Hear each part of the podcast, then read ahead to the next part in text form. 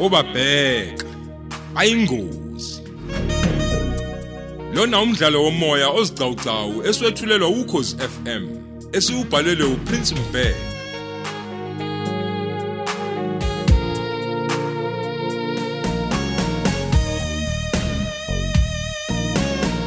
lesi isiqebu sesine.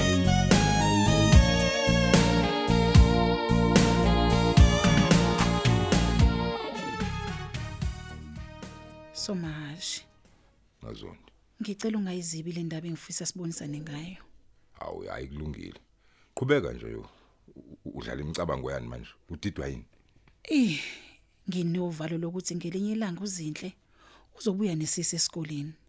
Ebese umlungu wethu ethatha isinqumo esimbi. sinkwa i- ayangikuzwa kahle mina ukuthi uthini uzobuya nesisu esikoleni Eh ne baba, into ekufanele siyilindele leyo engenzeka noma yini kusukela manje. kuhlola ku uhlola ungehlela usho ukuthi uzinhle njengoba nje e- e- ehleze esikoleni. Isizwa kanaso? Awu, awunabe ngizwe kahle. Mbovu ngithi mina uzinhle asimazi noma useqomile yini. Hleza abuye sesitshela ukuthi usekhulelwe. Usuya ngizwa ke manje. oh hey hayi mazonde ngikuzwa kahle. Inkinga enkulu ke leyo ukhuluma ngayo manje. baba. nama ngimazi Malcolm ukuthi angathatha siphi isinqumo la. Ekubeni phela akafuni ukuthi sibe nomngane nabantu abangaphandle. Silokhu nje sivalelwe la kule plaza la Oh kwazi kwanzima webantu. into nje ngiphatha kabi kakhulu ukuthi sihlala ndawonye silala endlini eyodwa ungeke wazi ukuthi uh, s- silele nje uyezwe into eqhubekayo la endlini Nawo phezulu kwako konke nje lokho baba. Yabo lesigaba akusona uzinhle. Hayi sizima ngohlobo luyisimangaliso. Eh, ukhonje uzinhleni uneminyaka emingaki Eh, kahle hle Baba njengoba ngisho nje ngithi ave kunzima ukuba ilomntwana. Shiya indaba yomzima mazondi ngithi mina uzinhle useneminyaka emingaki kahle hle. Uneminyaka ngamashumi amabili nambili uzinhle baba. nambili? Yebo. hey ayikhula ngempela. Hayi uNkulunkulu kuphela nje uyazi indaba kazinhle. Ukuthi iyogcina ihamba kanjani.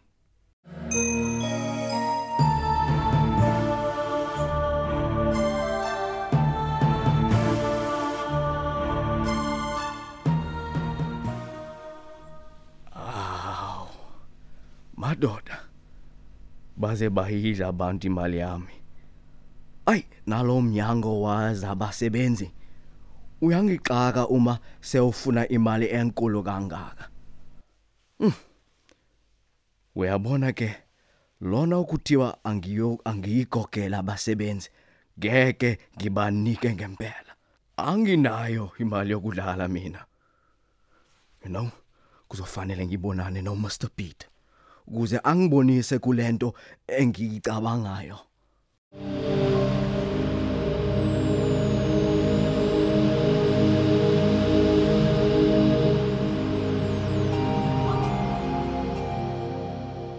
Hey, Mr Malcolm, kunjani ndoda? Hoy. Ngiyaphila nje ndoda lokho ngasho lutho. Hayibo. Wabuke kungemnandi nje moyeni indoda kwenze njani? Ay Mr Pete. Kulikunu bravan my. Va? Ngempela ang- angiphathekile kahle. Sengigoke imali eningi kabi ngigokela umnyango wezabasebenzi. Umnyango wezabasebenzi like the Department of Labor. Oh, uqobo lwayo. The Department of Labor. Hayibo ndoda. Wangishayisa ngovalo ke manje. Kusho ukuthi bayeza phela nalapha kumina lapha. Aw lokho ke akubuzwa nje bayeza. Hayi, Ndoda, manje into eyenzeka kanjani lena? Awuchazi nje ngizwa, awuchazi ngizwe kahle. Ay Mr Pete.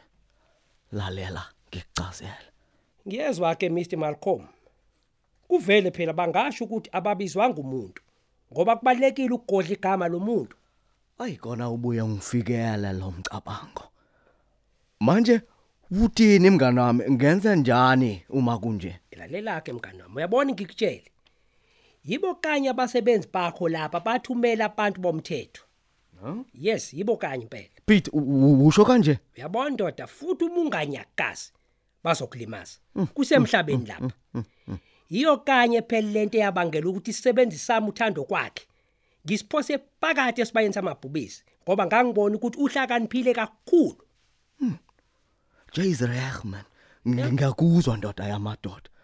Manje njengoba ngingamazi okunguyena ongidalela amatwayitwayi ngizombona kanjani? khululeka mngani wami. Kulula nje lokho. Phela kushawa inkabe edonsayo.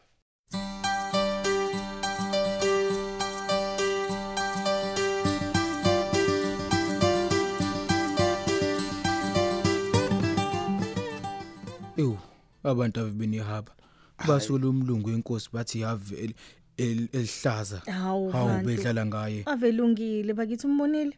Hawu phela abantu sebevele nje bezwe kuthiwa yibhunu. Kuvele kucaca ukuthi alifaka libuya nodaka khona. Hayi angive ngibonga ngosizwe lemaphoyisa ningisize kakhulu ngokungiphelezela. Nohambo lwethu nje yazi loba mnandi kakhulu. Hayi. Uqinisile khabazela azi bangabikho inkinga ekhona. Impela sengathi singahlala sihamba kahle kanjena nje. esami nje isifiso sokuthi singathi ngingahlala ngihamba nani nobabili. Awu. Ngithokoze kakhulu uba nani. Hayi, sibonga Siyabonga kakhulu, khabazela.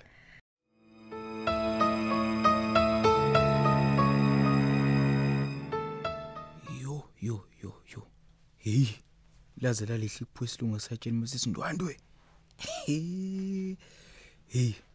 Wazavelela umfaka khumalo ungasebenzela umuntu wesifazane umuhla nje ongumfazi womuntu nokwenza.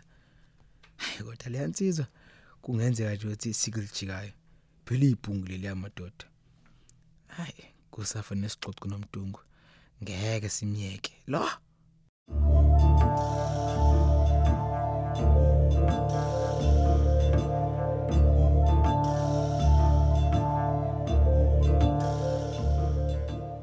Lezi zinkomo esezigala kangaka ekseni ngoba sezilambile yini? Oh kwangcono sebevukile uThulani. Thulani! Thulani! Yebo mnumzane. awuze ngapha bo! Yebo mnumzane sangifikile. bacebile onkabi laba imali yami. Ngiyabonga futhi ngibaphethe kahle ngibaklukumezi ngalutho. Manje sekuthiwa ngibakhokhele imali engaka lutho ngafa ngeke bayinuke bazonuka igazi Yebo mnumzane. Sengikhona mnumzane wami. okay nilale kanjani indoda yamadoda Hayi ayisilale kahle kakhulu mnumzane. Wenilale kanjani? hayi ndoda akulalekanga nje kwakhona Hawu. Yini? hayi ngihluphanga kanje imfene ebusuku Imfene mnumzane wami awu ibizokwenzani? Oyibo. Awazi yini ukuthi imfene iyazincala izinkomo? Kahleni bo. Hey, umuntu ufunda zafi impela. Eh. Manje lemfene iqalaza inkomo zami. Ngenze nje ukuthi silokhu sithi sidla amasi kanti sidla amathemfene. Eh mhlawumbe kade wena waqala ukudla ama- amathemfene kwazi bani. Awu, kanti wena mnumzane wami uqale nini ukuyibona lemfene? Hmm, uyabona izolo bengiyibona kwesibili. Mm. Into engimangazayo nje Dulani ukuthi njalo lemfene ifika ngesikhathi esisodwa. Kahleni bo. I- i- ifi- Ifika nini mnumzane? Hayi Dulani I get you 12 midnight.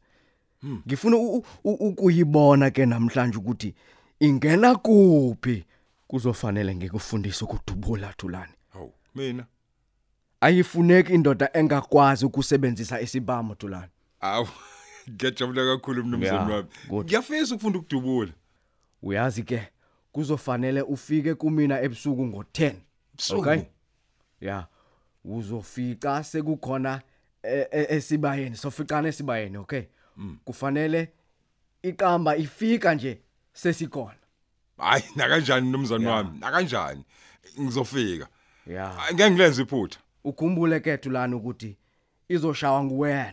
Mina. Yes. Eyi. Kufanele ube nesibindi Dulani. Oh. Ayifuneki indoda eyikwala. Ya, ya. Kufanele kube khona umehluko omningi phakathi kwendoda nomfazi. Hayi, hayi ngethembe mnumzane wami ngiyindoda mina, ngiyindoda Ya. nami. Ugcine isikhathi ke ndoda, okay? Yebo.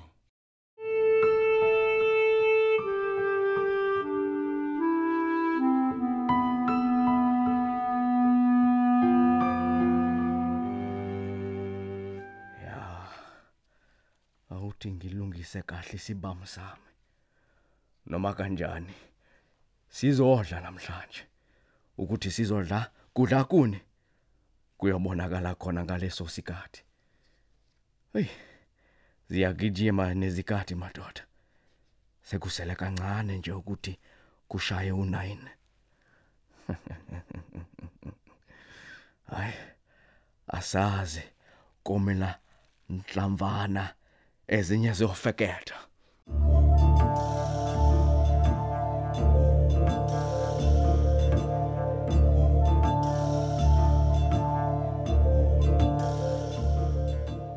Ey ngathi kumnyama kakhulu ke namhlanje.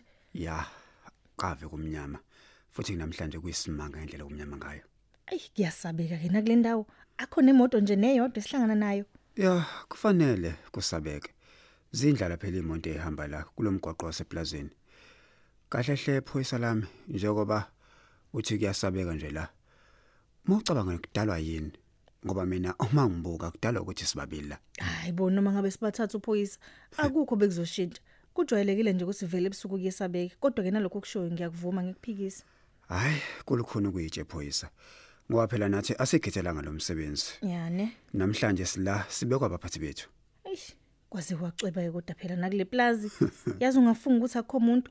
Ah, awushoke lolo njani uvalo ukukushaya mzukwane size la eplazini emva kokuza ukuthi leli bhuni leli aligayelwa mphako linolaka Awu suka ngangingasabani ngihamba namadoda amabili wonke pho.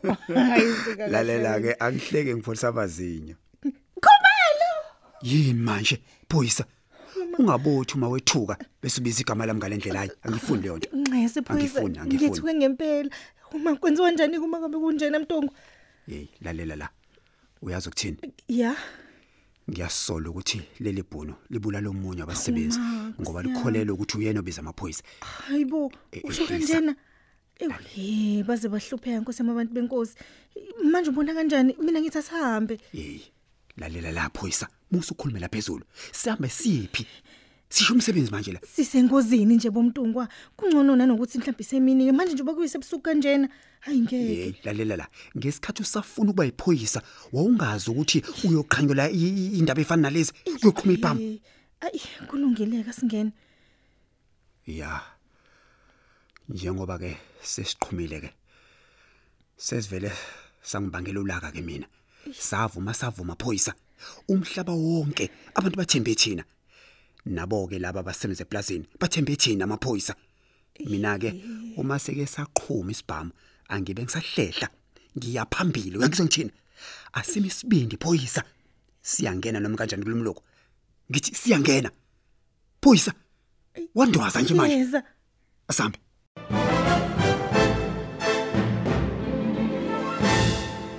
Hayibo. Kanti abantu besilisa banjani? Kodwa uNkulunkulu wami, umuntu ungakasangicabangeli nje ukuthi mina ngumuntu wesifazane. Hmm. Hayi, umuntu wathatha umsebenzi orong la. Ey, imali.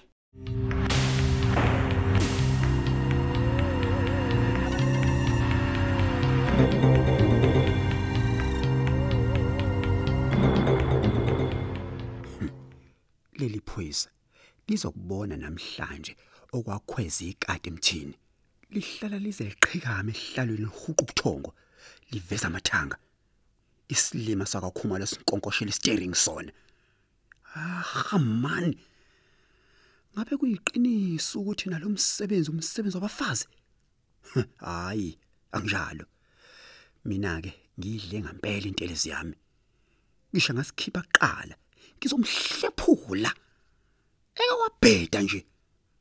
Dabusakaza ubuchopho ngesibhamu.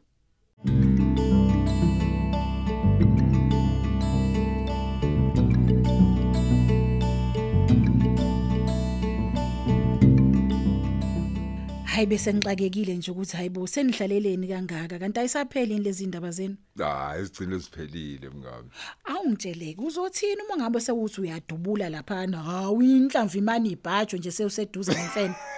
hey ngokhahlela ngichalele impela hayi asazi impela Oh, ngisho ngoba phela- yobonakala sesikhona Kukhona okumele ahlehle umisibhamu sesinga eseyisingayenzi lento yayo yokudubula.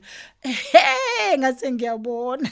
kodwa amazondi wabanjani wangibikela ibhadi uyazi ukuthi impama yemfene uma ihlala kumuntu ayibuyi lambatha ibuya nenyama. Ngakuphinda ungithanda uma nje ngase ukugaqula gazi ugcwale lapha kumina lemfene Hayi phela baba kumele ngibuze ngoba phela isibhamu siyinsimbi yomlungu. Angeke uyethembe. Kuyenzeka udubule kanye. Okwesibili inhlamvu ingaphumi, igaxele kwenye. Isibhamu sisale sikhamisile nje kanjalo. E- engabeke wena ukwazi kanjani ke lokho Oh, bo phela kwakwenzeka ekhaya sihlaselwe yigebe ngizofuna imali. Awu. Umama wagoloza ukukhipha imali ekhombisa nje impela ukuthi uyalo. Hawu badubule bathi bayamethusa. Hawu bababona ukuthi hayibo isigaxele inhlamvu wagcuma wahlala endodeni. awu wenza kahle impela umkhwe wami Hawu ngizalwa iqhawe mina. hayibo hayibo hayibo hayi angihambe kulungu ngitsha so wena la kumlungu ungilindile lapha